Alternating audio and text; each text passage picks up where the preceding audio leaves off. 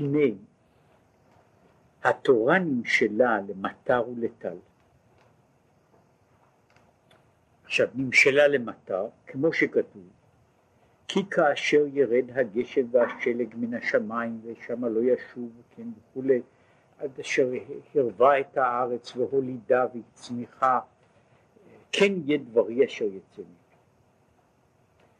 וכן נמשלה התורה לטל, כמאמר חז"ל, טל תורה. ואמרו חז"ל, מטל השמיים זה מקרא. והנה, מטר הוא ממטה למעלה. המטר, אף על פי שהמטר בא לכאורה מלמעלה, בעצם דרכו הוא ממטה למעלה, כמו שכתוב, ועד יעלה מן הארץ וישקע את האדמה. כן, המטר מגיע מן, ה, מן הארץ, מן הים, הוא עולה ואחר כך הוא משקה את האדמה. וטל הוא נתינה מלמעלה למטה.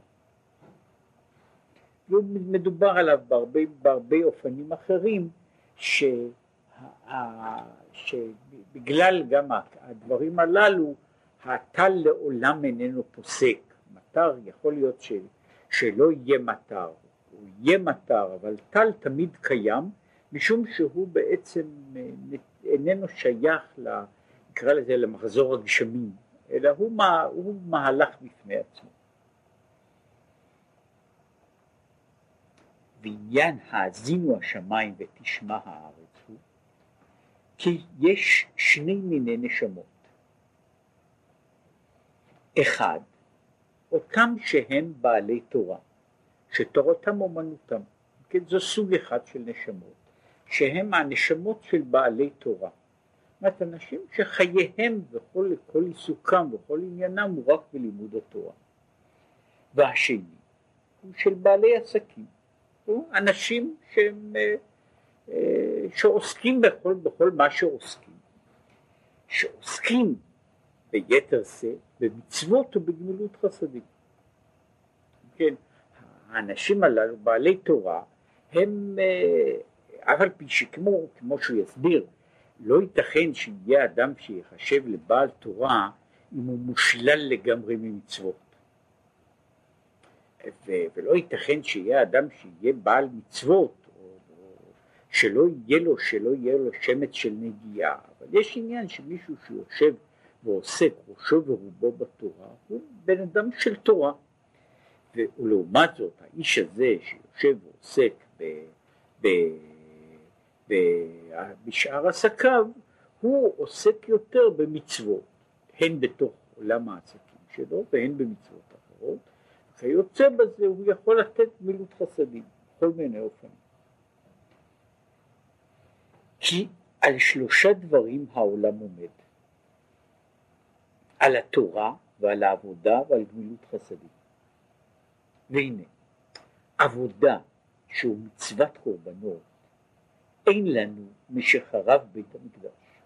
אם כן, העבודה, העמוד הזה של העבודה, הוא נחרב יחד עם המקדש. יש לנו אמנם עבודה שבלב, קצת נדבר על זה, אבל עבודה במובן ובמשמעות של העבודה, שהמובן המקורי שלה, שהוא עבודה של, של עבודת הקודש, הוא איננו קיים, אבל נשארים, נשארו שני העמודים האחרים, עמוד התורה ועמוד גמילות חסדים.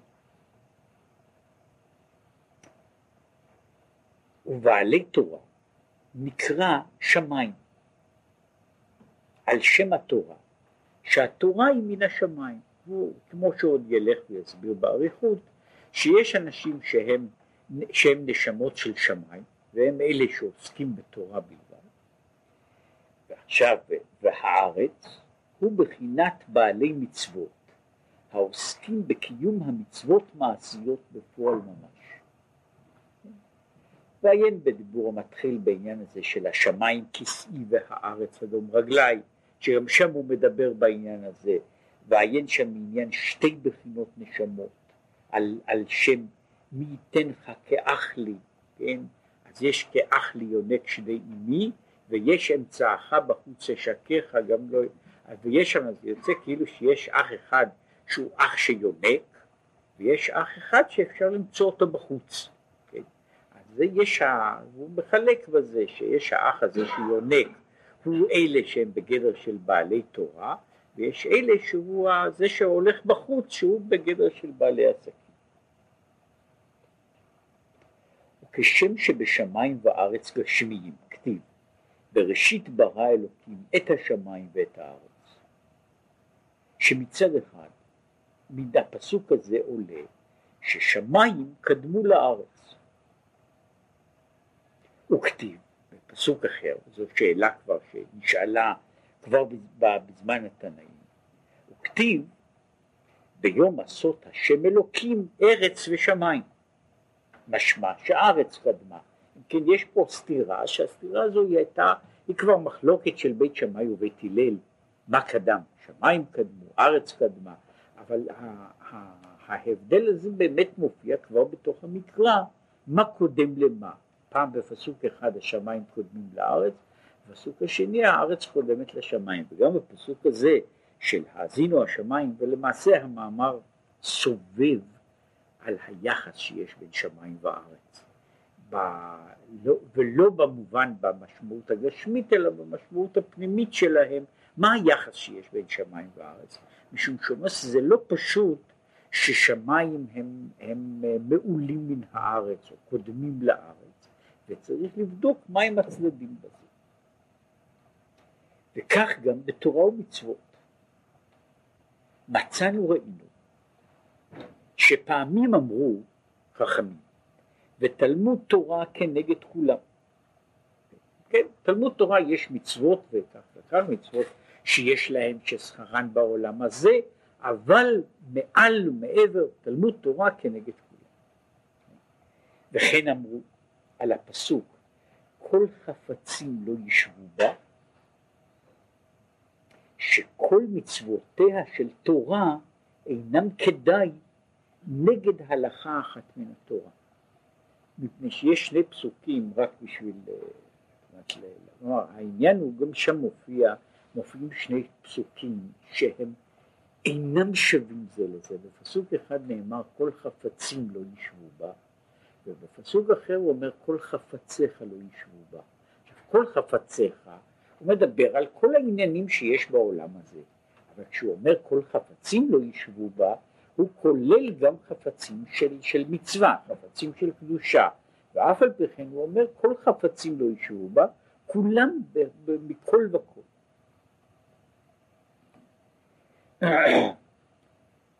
אז משמע שהתורה היא למעלה מן המצוות. התורה היא המדרגה הגדולה, המצוות הן מתחת לזה. ופעמים אמרו, תכלית חוכמה, תשובה ומעשים טובים. שם יוצא שהיחס בין הדברים הוא הפוך, ש, שלהפך, התורה היא רק, היא רק אמצעי כדי להגיע על, על ידה לתשובה ומעשים טובים. וכן אמרו חז"ל, גדול תלמוד, במה שמביא לידי מעשה, דווקא. כן, יש מחלוקת שהיא מחלוקת עתיקה, מה גדול? תלמוד גדול או מעשה גדול? עכשיו, כתוב שנלמדו וגמרו תלמוד גדול שמביא לידי מעשה, אבל ההחלטה הזו, ההחלטה הזו היא למעשה אומרת, שמאיימים בה, שבעצם מעשה גדול, משום שהוא אומר שתלמוד מביא לידי מעשה, כן? ולכן החשיבות של התלמוד היא בזה שהוא מביא לידי מעשה, ולא שהוא נשאר בעצמו. כן, הוא הראה פה שהמחלוקת שה, הזו, זאת אומרת ההבדל בין הכתובים, בין שמיים וארץ, שהוא נעשה מחלוקת בית שמאי ובית הלל, שלא הייתה כנראה רק לגבי השאלה מה קדם, אלא מה קודם במעלה, היא מבוטאה בצורה אחרת לגמרי במחלוקת שיש לגבי תורה ומצוות, וברור שיש לנו שתי השקפות. אחת ש, שבה התורה היא מעל המצוות, והאחרת ש, שאנחנו רואים את התורה כמכשיר לקראת המצוות. עכשיו הוא מסיים, ושניהם אמת. שתי, שתי הגישות הללו כאחת, שתיהן אמת. כיצד?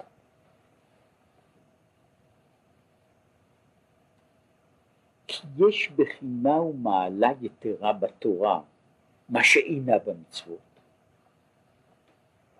ומכל מקום, יש גם כן מעלה יתרה במצוות, מה שאינה בתורה. וכאן גם מבואר במקום אחר, שכשהוא אומר ששניהם אמת, הוא רוצה לומר שהעניין מה עדיף על מה, אין לו הכרעה גמורה, אלא העובדה שאפשר לומר גם כך וגם כך, היא אומרת שיש צדדים לדבר.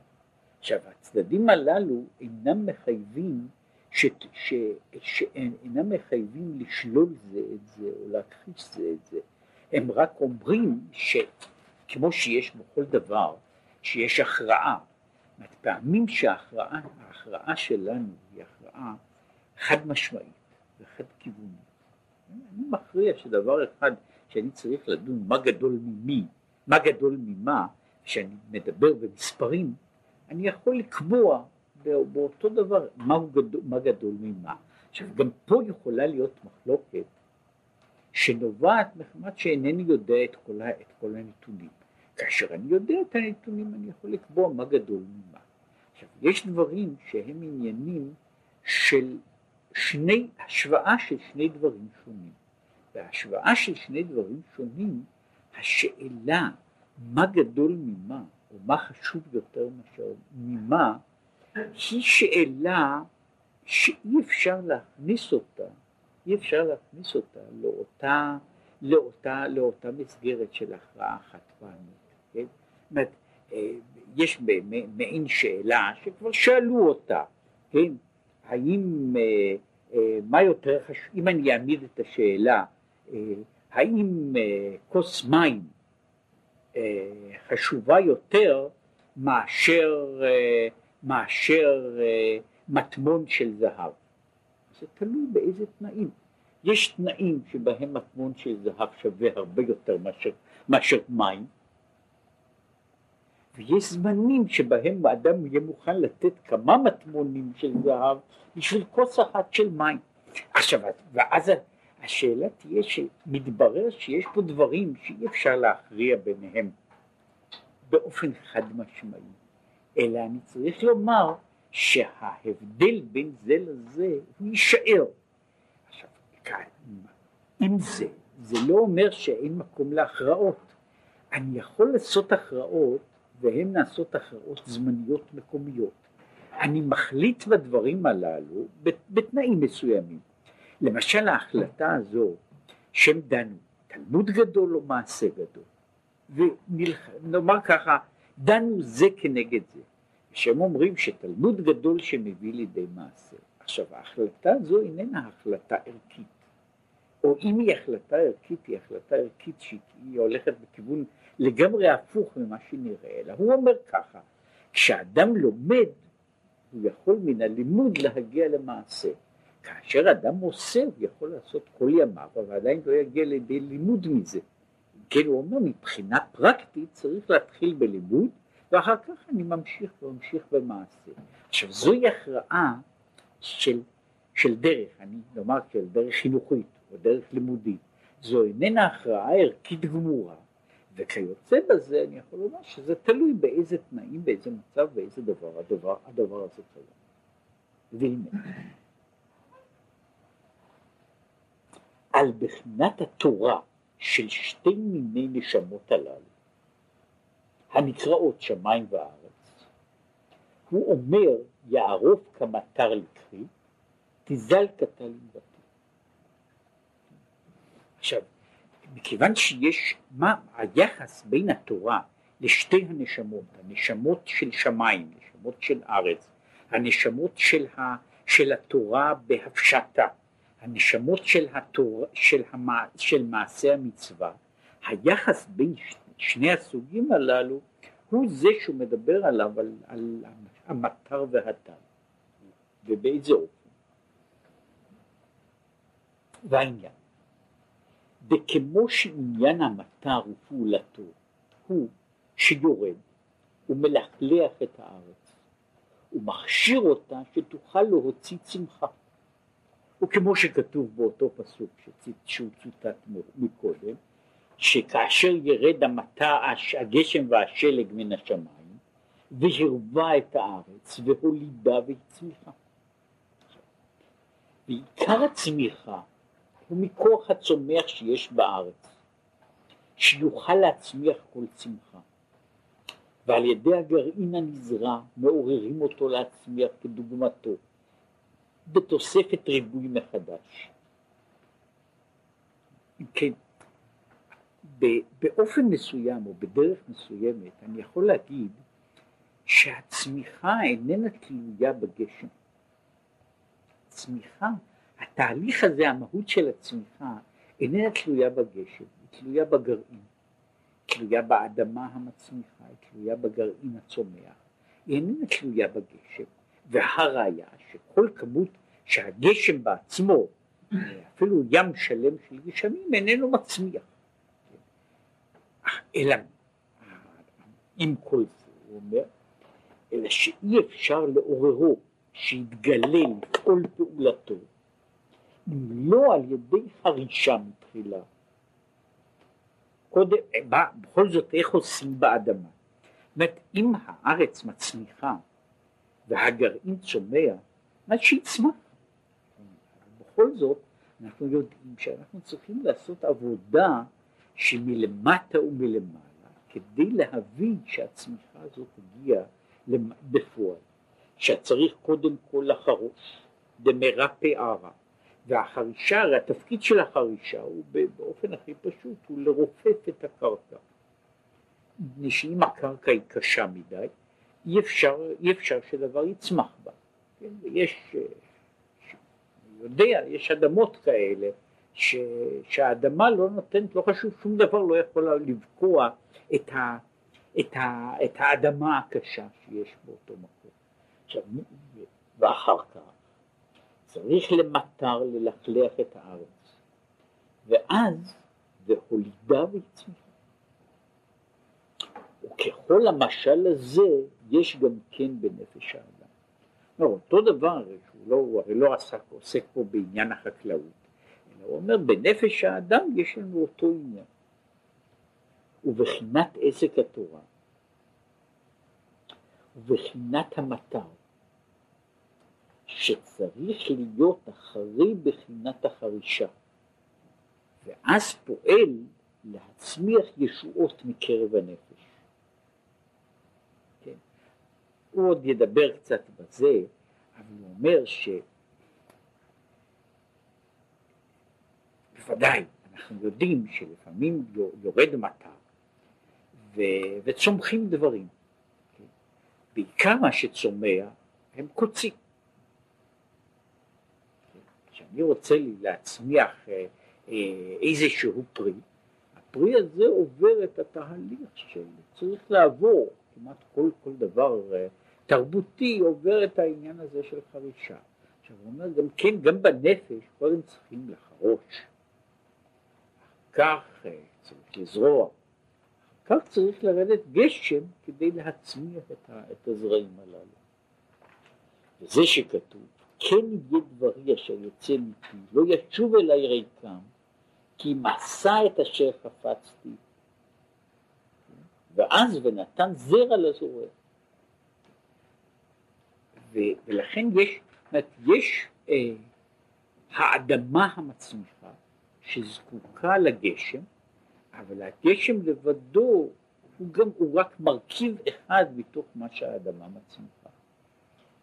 והעניין, והנה, כל אחד ואחד מישראל אומר, נשמה שנתת בי טהורה אתה בראת, אתה יצרת, אתה משמרה בקרבי. והנה, לכן הוא שואל שאלה שהיא שאלה מאוד פשוטה, אף על פי ש, שרבים אומרים את, ה, את הברכה הזו ולא תמיד שואלים אותה. השאלה היא מי הוא האומר בי ובקרבי? כשאני אומר נשמה שנתת בי, מי בעצם אומר? שלא שייך לומר זה על הגוף, כי אין בו עומר ודברים. אומרת, הגוף לא יכול להגיד נשמה שנתת בי. הגוף שלו בעצמו לא מדבר. אם כן, כשאני אומר נשמה שנתת בי, אז בעצם מי מדבר? מי הוא המדבר במשפט הזה? כן? מי הוא, ה, מי הוא המדבר? כן? אז הוא אומר כך, אלא זוהי נפש החיונית והשכלית המדבר. זה לא הגוף כגוף מדבר, אלא מדבר כאן האני, והאני הזה הוא זהה לנפש החיונית, הנפש השכלית, שהיא נפש החיים של הגוף, בדרגות השונות שלה, למין הנפש החיונית. זאת אומרת, כוח החיות שמחיה את הגוף כגוף. הנפש השכלית, שהוא הכוח שנותן את האפשרות של התודעה, של המחשבה. עכשיו זהו מה שאומר נשמה שנתת בי. והיא אומרת נשמה שנתת בי, היינו על בחינת נפש האלוקית, שהיא חלק אלוקה ממעלה, וטהורה היא. לכן הוא מתחיל, נשמה שנתת בי, עכשיו הוא מדבר עכשיו על הנשמה העליונה, הנשמה האלוקית.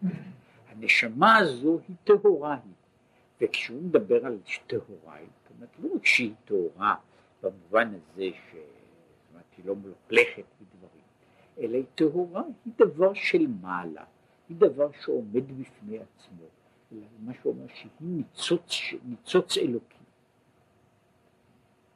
ואחר בראתה יש מאין. אתה בראת. ותהליך הבריאה הוא המעבר מהמעמד של טהורה, שהוא אומר שזוהי הנפש כמו שהיא במקורה או בעולם האצילות, עד למדרגה של הנפש שהיא נעשית נברא, הוויה, הוויה נבדלת לעצמה. אחר כך אתה יצרת, שזה ירידתה לעולם היצירה. עד שנפחת בי, שמתלבשת ממש בתוך נפש השכלית. הנפש האלוקית מתלבשת בתוך הנפש השכלית, ואז אני מדבר על נשמה שנפחת בי. והוא כעניין בחינת זרע הנזרע בארץ גשמי. שאז דווקא תוציא צמחה. הקדוש ברוך הוא בעצם, אני אומר, יש הנפש החיונית, הנפש הבהמית. הנפש, הנפש הבהמית היא בעצם, וצריך לזכור, הנפש הבהמית זה לא, לא, הביטוי הזה איננו זהה, או איננו מנסה להיות זהה להגדרה של יצר רע. נפש הבהמית היא נפשו של האדם אה, כיצור. יש יצור כזה, שהוא, שהוא יצור ש, שלולי נשמתו הוא גם כן שייך לזואולוגיה. כן? אז היצור הזה ששייך לזואולוגיה יש לו נפש, כן? ובו, נכון שה, שהנפש של, ובאשר הוא, באשר הוא יצור במדרגה יותר גבוהה, ממילא הנפש שלו היא נפש אחרת. אז יש נפש החתול, יש נפש התולה, יש נפש הקוף, יש נפש האדם.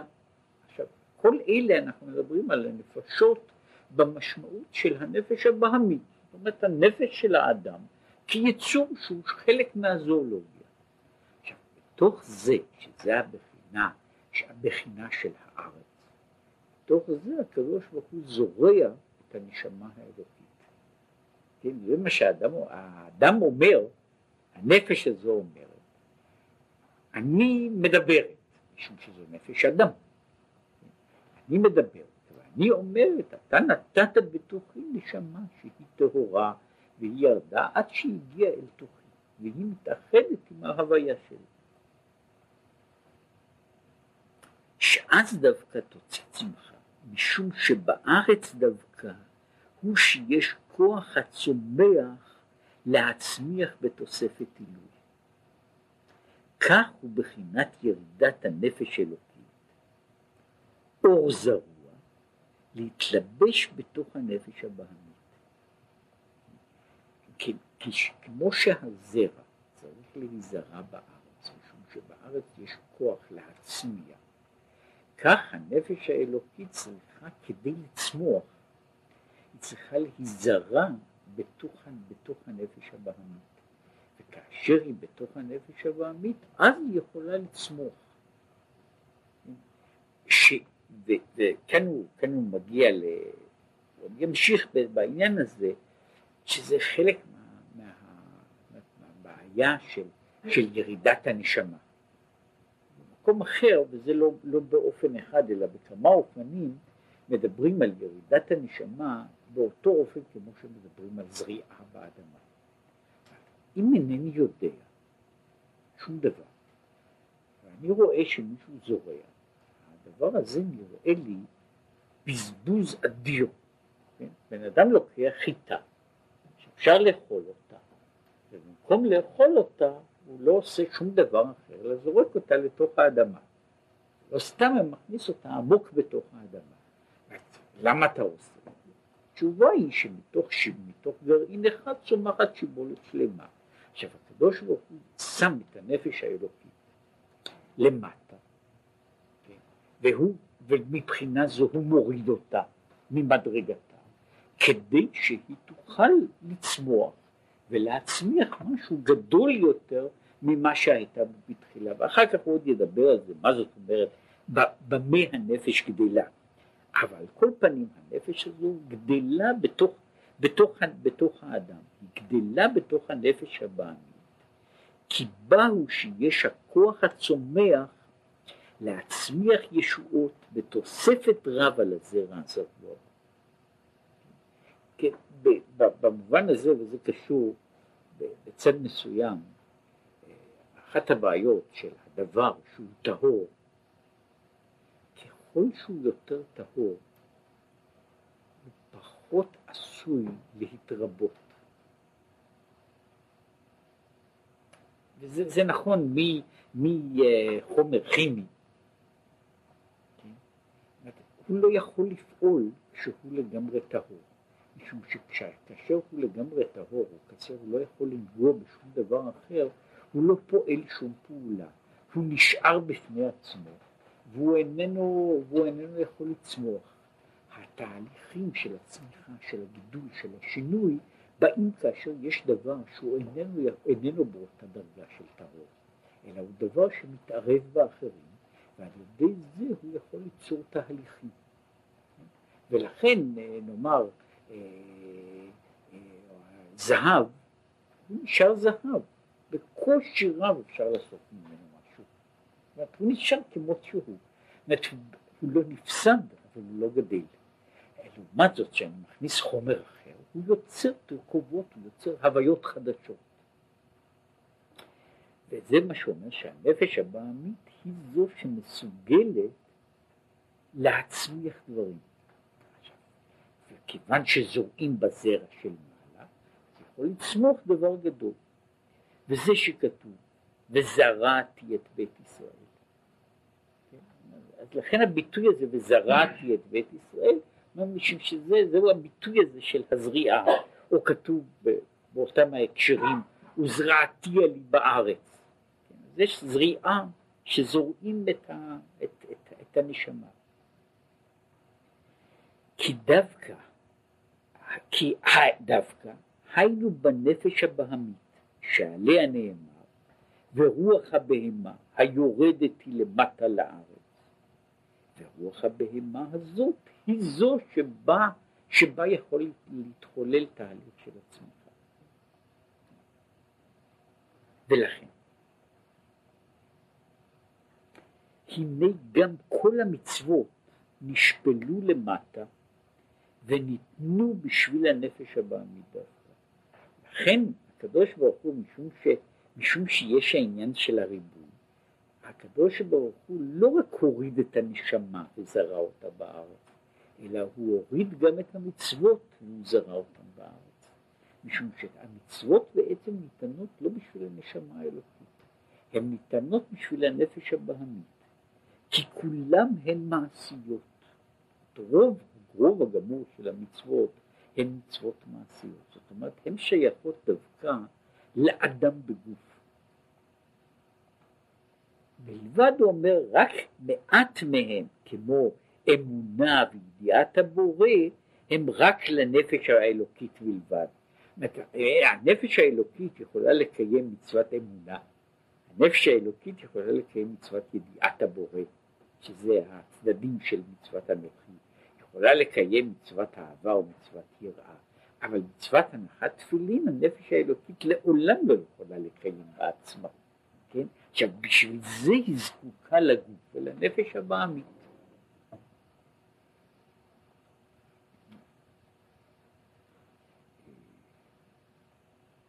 ואף גם זאת, הם נוגעים גם בנפש הבעמית.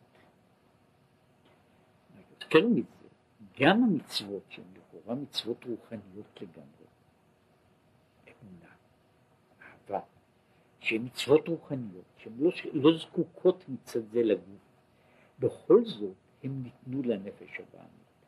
שהרי על הנפש האלוקית לא שייך לשום ציווי ואזהרה. בעצם מי זה צריך לתת, לה, להזהיר, לתת מצוות לנפש, לנפש, ה, לנפש האלוקית.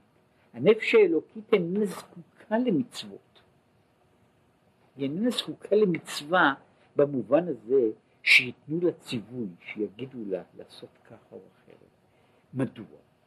משום ככה, שבעודה בגן עדן הייתה מאמנת ויודעת ממילא.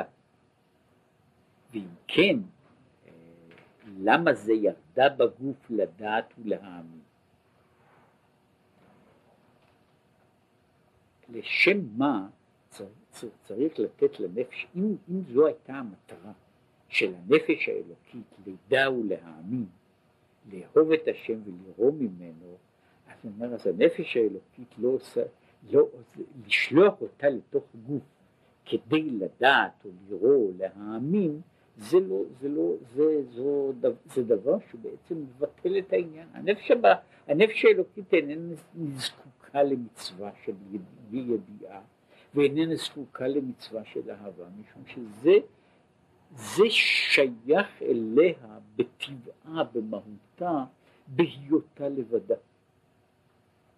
והיא איננה זקוקה זקוקה להוראות. זאת זה, זה כשם, יש, יש כל כך הרבה מצוות בתורה, יש דברים ש... והתורה לכאורה מבטאה כל כך הרבה מצוות. יש מצוות על פרטים של עשייה. בכל התורה כולה אין מצווה של אכילה. ואיך יחיה אדם? הוא בכל זאת צריך לאכול. אלא מה? מדוע אין אדם זקוק לציווי של אכילה? משום שאת זה הוא יודע לבד. הוא איננו זקוק שיצוו אותו, שיצוו אותו לאכול. ושאר דברים הוא איננו זקוק להם, הוא איננו זקוק לשום הוראות בעניין הזה, להוראה, ללימוד, לציווי, לאזהרה, אל תעשה כך או עשה כך, זה דבר שהוא יודע בעצמו.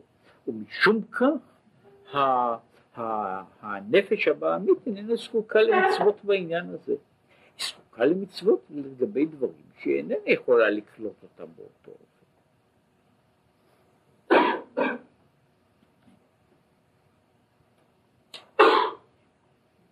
אם לא, בשביל הנפש הבעמית, דהיינו שתהא מקיימתן בהתלבשותה בנפש הבעמית.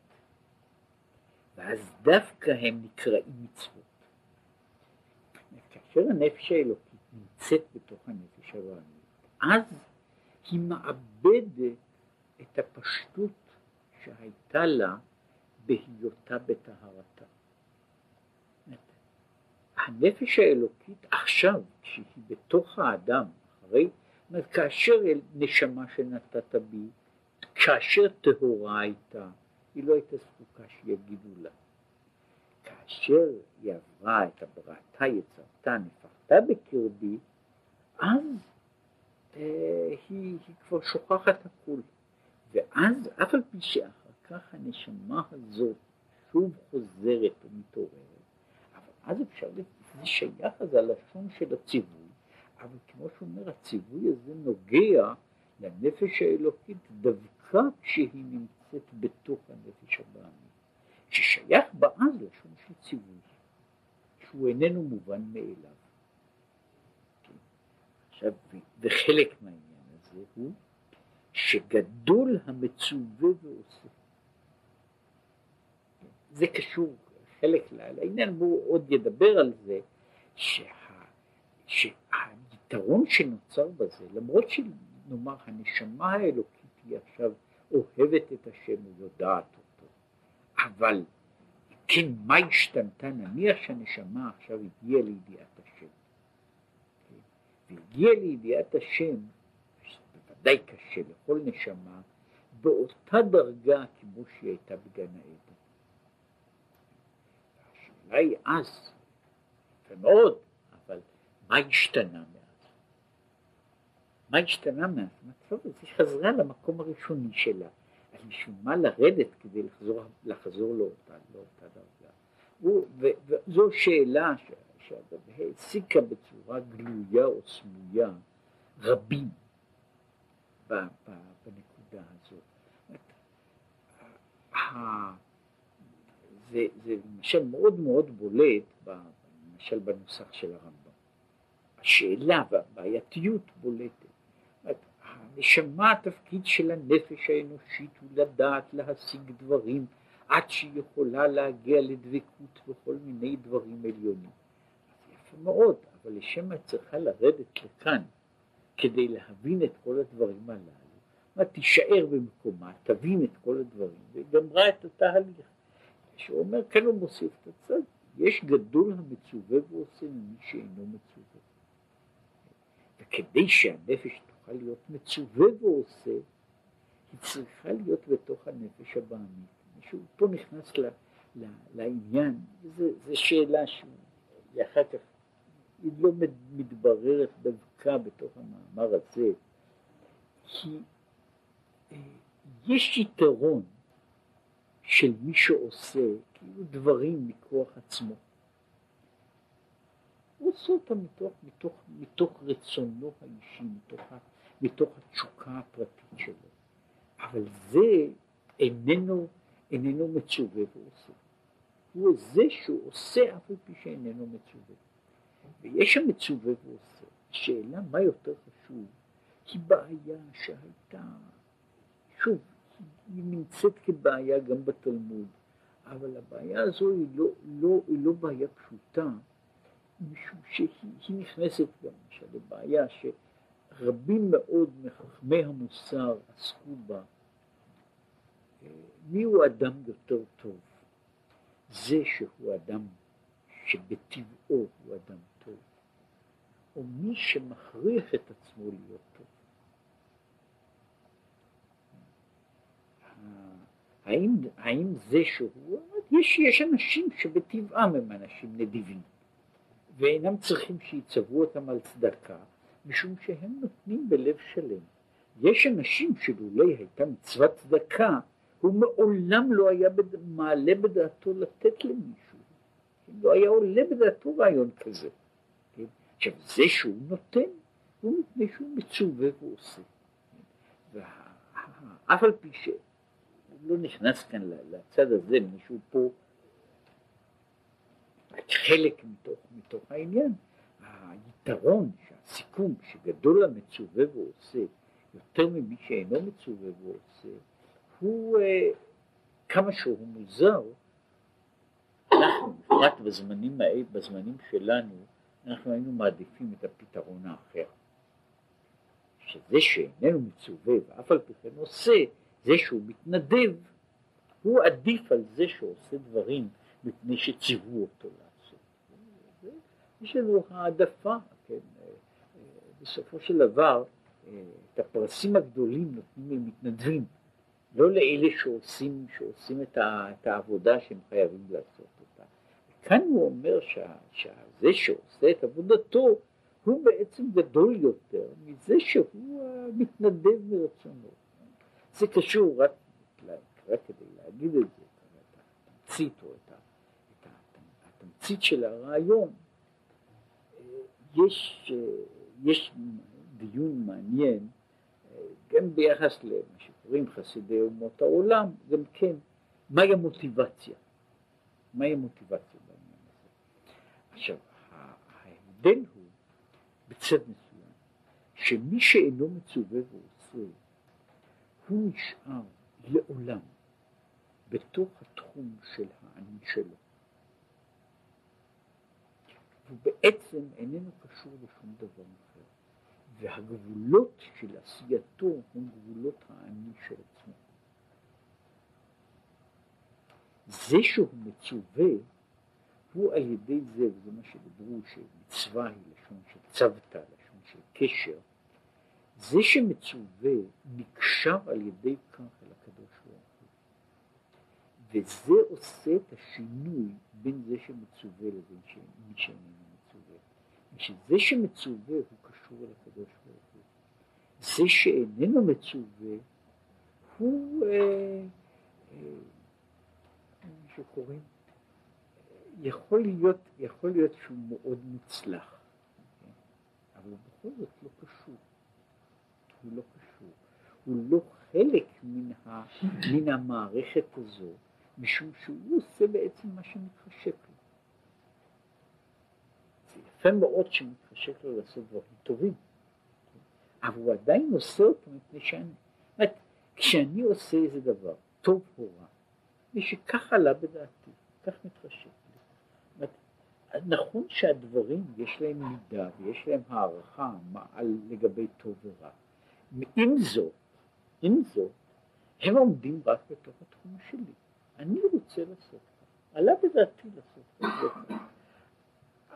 האיש שהוא מצווה, הוא איננו עושה, הוא עושה דברים משום שהוא מצווה. פירושו של דבר שהוא עושה אותם רק משום או לא רק. עושה אותם משום שהוא קשור למצווה. ובמקום מסוים הבעיה שהולכת אחרי כל הבעיות היא, יש לנו מעשים טובים, רעים, ניטרליים. אם הבעיה המרכזית שלנו זה איך מגיעים לקשר עם הקדוש ברוך הוא. במקרה זה גם האיש שעושה עולם שלם של מעשים טובים מעצמו, הוא איננו קשור. הוא נמצא בתוך המעגל של עצמו, אבל הוא איננו קשור לקדוש ברוך הוא. ומבחינה זו הוא איננו, אה, הוא עושה דברים יפים, אבל הוא איננו קשור למערכת של, למערכת של הקדושה, הוא קשור למערכת עצמאית אוטונומית משלו, ובתוך המערכת האוטונומית שלו הוא עושה מה שהוא, מה שהוא רוצה. כן? עכשיו, כמו שאמרתי, זה לא אומר שאין הבדל בין טוב לרע, אבל זה עדיין אומר שהמעשה הזה הוא נשאר בתחום, בתחום, הוא בתחום העשייה והיצירה האנושי. ההבדל הוא שברגע שהוא מצווה, הוא כבר נכנס לתוך מקום שבו הוא ממילא מתקשר בקדוש ברוך הוא. יש אחד, הדימויים והמשלים לזה הוא איך נוצר, ש... זה אחד ההסברים של מהי מצווה. מצווה היא לכאורה צורה, צורה מאוד, מאוד גסה של יצירת קשר. יש צורות אחרות של אבל אחד הדברים שיש במצווה, ויש כמה צדדים במצווה, אחד הדברים שיש במצווה הוא שמצווה יכולה לדלג על הבדלים שיש בין מעלה ומטה, שקשרים של הבנה או של ידיעה אינם יכולים לעבור שם. כאשר יש מצווה ומצווה, נוצר ציווי יוצר ביניהם קשר. בלי שום התחשבות ביחס, ביחסי הגודל שביניהם. המצווה יכול להיות גדול מאוד, המצווה יכול להיות קטן מאוד, ובכל זאת נוצר קשר ביניהם. כאשר אין יחס של ציווי, יכול להיות קשר רק כאשר יש כמעט שוויון.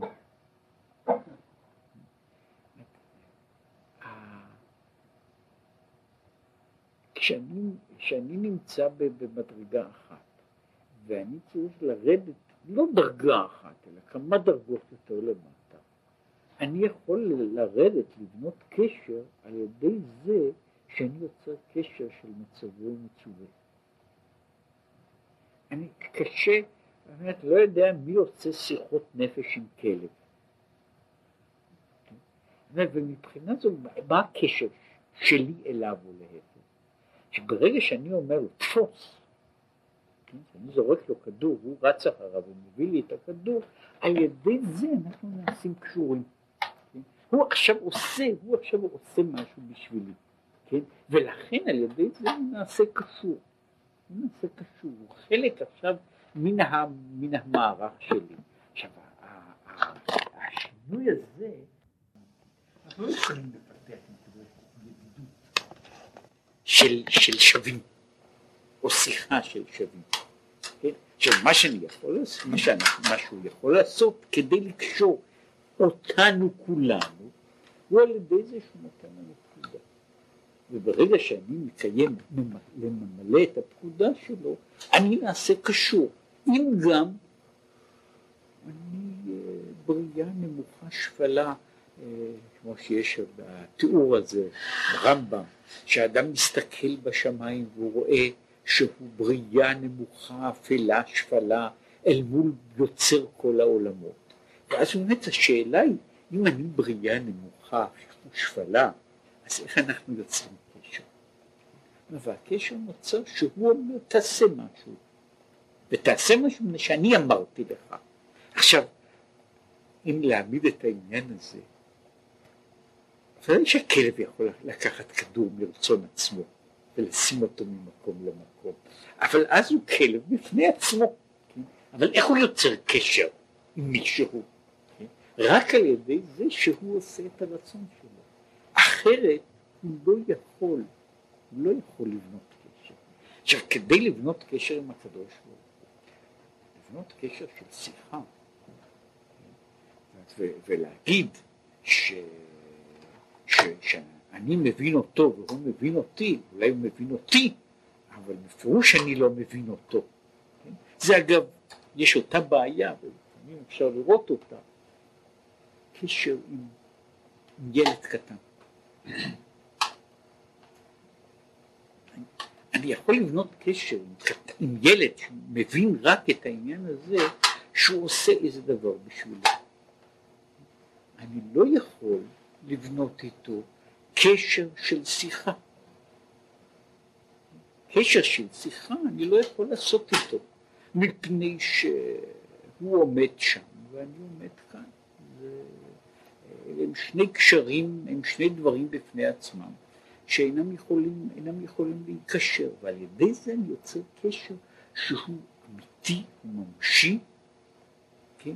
וזה, והוא איננו תלוי הוא איננו תלוי בשאלה כמה אני מבין. אני לא צריך, כשאני ממלא פקודה של המצווה, אני נהיה חלק מתוך המערך שלו. וזה לא משנה אם אני מבין למה או אינני מבין למה. לעניין זה אין שום חשיבות. עכשיו הוא אומר שכדי שהנשמה תגיע לקשר הזה של להיות מצווה ועושה. היא איננה יכולה לעשות אותו כאשר היא נמצאת בעולם עליון, ואי אפשר לצוות עליה לא משום שהיא איננה ניתנת לציווי, אלא משום לציווי אין משמעות. זה הטבע שלה. עכשיו, כאשר היא יורדת לתוך הגוף, כאשר היא נעשית חלק מתוך, ה, מתוך ההוויה הזואולוגית, אז הנשמה יש לה יכולת של קבלה, של קבלת פקודה. כן? אז זה, זה צד אחד שיש בדבר, אף פי שהוא לא, הוא רק נכנס פה בתוך העניין. עכשיו זה, הוא אומר, שייך אפילו באותן המצוות שנראה לנו שהן מצוות של הנפש האלוקית. כל שכן, קל וחומר, שאר כל המצוות, שהן רובן ככולן מצוות מעשיות, שכולם אינם שייכים כלל לנפש אלוקית בעודה למעלה. כן, אני לא יכול להגיד לנפש האלוקית לאכול סעודה שלישית. כן, אה, כשהנשמה נמצאת בגן עדן העליון אין לה סעודה שלישית. כן, זה, זה אפשר להגיד לנפש שהיא נמצאת בתוך הגוף, כן, וכיוצא בזה. ולכן, הוא אומר, אלא התלבשותה בגוף ונפש הבאמית דווקא, שהנפש הבאמית היא המקיימת אותה. עכשיו הוא כמו, למשל, קורבנות, פאות, הבאת פאה, ביקורים, תרומות, מעשרות, חושן ואפוד וכיוצא, כן? אז כל אלה הם מצוות שהנשמה לא יכולה לקיים. אה, נשמה יכולה להיות כמה יפה שתהיה, אבל איננה יכולה ללבוש חושן. כן? אי אפשר להלביש חושן לנשמה. בשביל זה צריך גוף. כן? ולכן הוא אומר, המצוות, הקדוש ברוך הוא הוריד את המצוות כדי שהן יהיו ניתנות להיעשות. מצוות כמצוות הן ניתנות להיעשות דווקא בתוך הכלי של הגוף ועל ידי הנפש הבעמית. ואפילו וגם מצוות תלמוד תורה היא גם כן מצווה שבמובן אחד היא דורשת איזשהו גוף, שעיקר המצווה הוא בדיבור בפה והכמעט שפתיים, זאת אומרת הדיבור בעצמו גם כן סוג מסוים של מעשה, והוא מדבר על זה שמבחינה פורמלית קיום מצוות תלמוד התורה נעשה על ידי אמירת תורה ולא על ידי מחשבה בתורה. מחשבה ועיון ועיסוק בתורה הוא יכול להיות שהוא קשור למצווה של פרט בתוך זה של מצווה של ידיעת התורה. אבל לא למצווה של, של תלמוד תורה, שמצוות תלמוד תורה היא לבטא דברי תורה ושיננתם ודיברת בם. זו מצוות תלמוד תורה בהגדרה, בהגדרה הפורמלית שלה. עכשיו, נוסיף לה, אפילו, אפילו אהבה ויראה, דבכוונה טליה מילתא ולא בעובדה. יש מצוות כמו אהבה ויראה. נניח תלמוד תורה, זאת אומרת מצוות תלמוד תורה יש לה ביטוי. מצוות אהבה ויראה היא תלויה רק בוודאי שאדם יכול לדבר על אהבה ויראה, אבל זה איננו קיום של המצווה. המצווה היא בעצם כולה מצווה של מצווה שבנפש, לא מצווה שבגוף.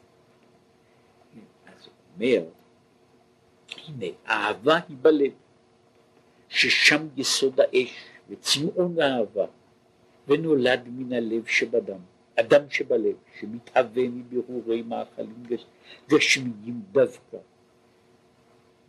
שמתבררים באצטומך, בקיבה, ונהפכים לדם בכבד, והוא שולח הדמים ללב, ובהם עיקר משכן נפש הבעמית. אתה אומר, בסופו של דבר, החוויה שלנו של אהבה, זה כבר נקודה, זה נקודה מעניינת, החוויה שלנו של אהבה היא חוויה שגם היא תלויה בגוף.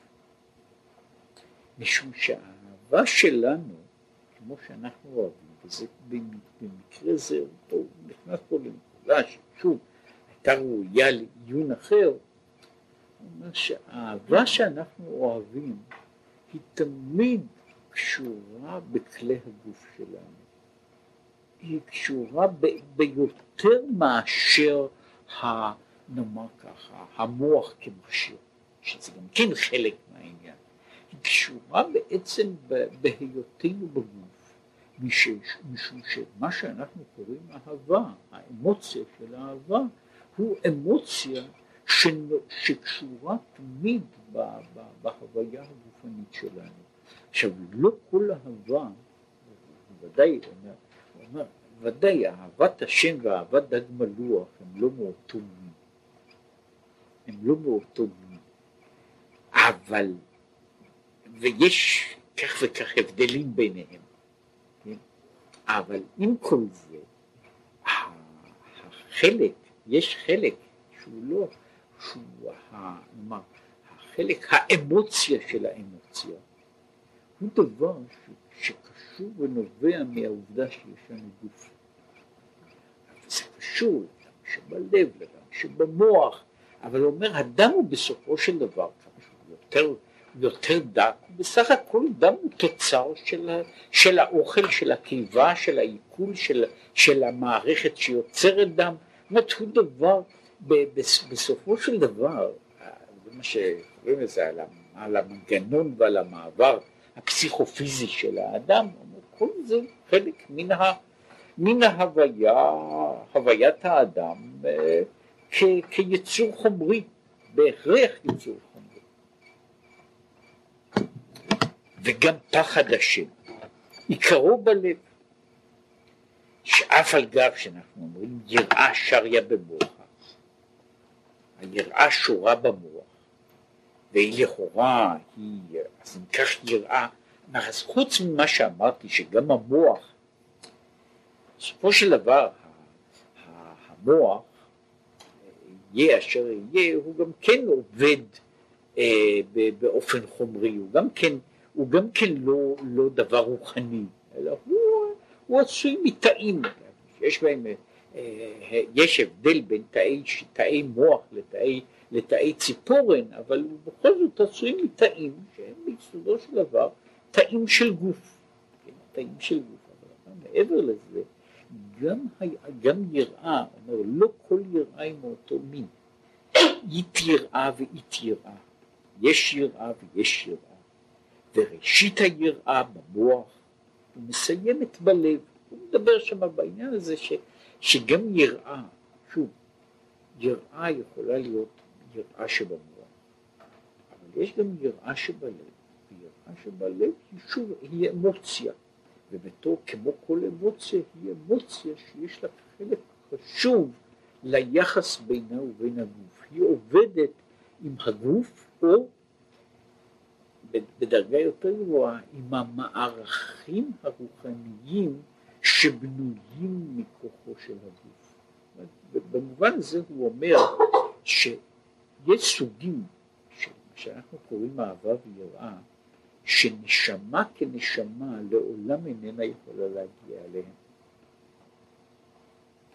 איננה יכולה להגיע אליהם משום שהנשמה היא אה, זה, זה נאמר, כמו שאני יכול לשער שמחשב לא יכול להגיע לאהבה ויראה שהמעגלים האלקטרוניים שלו לא נותנים לו מקום לאמוציה. כשאני דן ב, ב, ב, ב, בעניין הזה של, של הנשמה, הנשמה נמצאת בדרגה כזו של הפשטה, שמה שיש אצלה בגדר של אהבה ויראה הוא דבר לגמרי אחר, שאנחנו היינו מגדירים אותו לא כאהבה ולא כיראה, ולכן כדי שתהיה אהבה אהבת השם או יראת השם, שוב הנשמה נזקקת לגוף לשאול ממנו, במקרה הזה איננה, יש דברים שהנשמה צריכה את הגוף, שהיא צריכה כלי כדי לקיים את המצווה. היא צריכה כלי כדי להחזיק את הלולב. היא איננה יכולה להחזיק אותו בהפשטה. היא זקוקה לכלי כדי לתת צדקה. היה רבי גדול אחד, הרבי מקוברין, שהיה, שהיה אומר, אומר שיש, אומר, אומר שמעתי שיש מלאך בשמיים, שיש לו אלף פיות, ובכל פה הוא משבח את הקדוש ברוך הוא, שבח אחר. הוסיף, אבל המלאך הזה אין אפילו כיס אחד בבגד, שבו הוא יכול לתת פרוטה אחת של צדקה. כן? זאת אומרת, הבעיה היא שהמלאך המלאך מוגבל במלאכיותו, שהוא לא יכול לעשות דברים מסוימים. לא יכול לתת פרוטה לצדקה, אין לו, אין לו כיס. עכשיו, מעבר, מעבר לעניין הזה, אומר שהנשמה צריכה לשאול את הגוף כדי לקיים מצווה, ואת רוב המצוות היא צריכה בשבילם גוף בפשטות, שאי אפשר לקיים אותן בלא גוף. גם מצוות שהן לכאורה רוחניות, ואז בשביל מה היא צריכה גוף? גם בשביל זה הנשמה נזקקת לגוף כדי לתת למצווה את האופי שלה. כן, משום שגם באהבה ויראה הם דברים שנוצרים מכוחו מכוח הגוף ועל ידו. הרי שכמעט כל התרי"ג מצוות ניתנו ונמש... ונשפלו בנפש הבעמית דווקא. כי המצוות נקראות גם כן בשם זרע, כמו שכתוב זורע צדקות, וכתיב אשריכם זורעי על כל מים. והזריעה היא שוב, הזריעה היא בקרקע דווקא, ששם הוא, שם יש כוח הצומח, היינו בחינת נפש הבעמית שבה, שבה הוא שיש הכוח להצמיח ישועות. כן, חוזר לעניין הזה שאת כל הדרגה הזו של עליית של, של זריעת הצדקה, כשם שהוא אומר שהקדוש ברוך הוא זורע את הנשמה האלוקית בתוך הגוף והנפש הבאה. ככה הקדוש ברוך הוא זורע צדקות. הוא זורע את כל המצוות בתוך האדם ובתוך הגשמיות. עכשיו, מדוע הוא עושה את זה? מה משום שהרוחניות הטהורה, המצווה בטהרתה איננה יכולה לצמוח. הנשמה, הנשמה שהיא טהורה היא היא איננה יכולה לצמוח. מתי יכולה להיות צמיחה? דווקא כאשר הנפש יורדת אל תוך, אל, לתוך הגוף הגשמי. כאן יש תהליך של צמיחה, הזה של הצמיחה הוא בשבילו, בשבילו הקדוש ברוך הוא זורע צדקות כדי להצמיח ישועות, כן? זאת כדי שיצמחו ישועות צריך לזרוע משהו, ולכן הוא אומר שכל התהליך הזה של תורה ומצוות הוא בעצם המצוות, על כל פנים, הן נזקקות דווקא לגוף ולנפש הקשורה בגוף. אומרת, אותן מצוות שלא זקוקות לגוף, הן על כל פנים זקוקות לנפש הבהמית, כדי שתוכלנה להגיע לידי קיום. וזהו העניין של, של, של, קיום, של קיום המצוות, שגם לגבי הנשמה וגם לגבי המצווה המטרה היא אחת. שהזריעה על מנת להצמיח, על מנת להגדיל את מה שהיה קיים. וזה אומר, באופן, באופן אומר, יכול להיות שיש יתרון לשמיים, יתרון לאין ארוך על הארץ, אבל בשמיים שום צמח לא צומח. ומה שצומח, צומח כאן. ולכן כשהקדוש ברוך הוא רוצה להצמיח דברים, צריך לשלוח אותם לכאן. ולכן הוא לוקח את המצווה, שהיא גם כן בדרגה גדולה עליונה מופשטת, והוא מוריד אותה לצורה כזו כדי שהיא תוכל לצמוח. וכאשר היא יורדת לתוך העולם הזה, ודווקא בתוך העולם הזה, הוא שהיא יכולה לצמוח.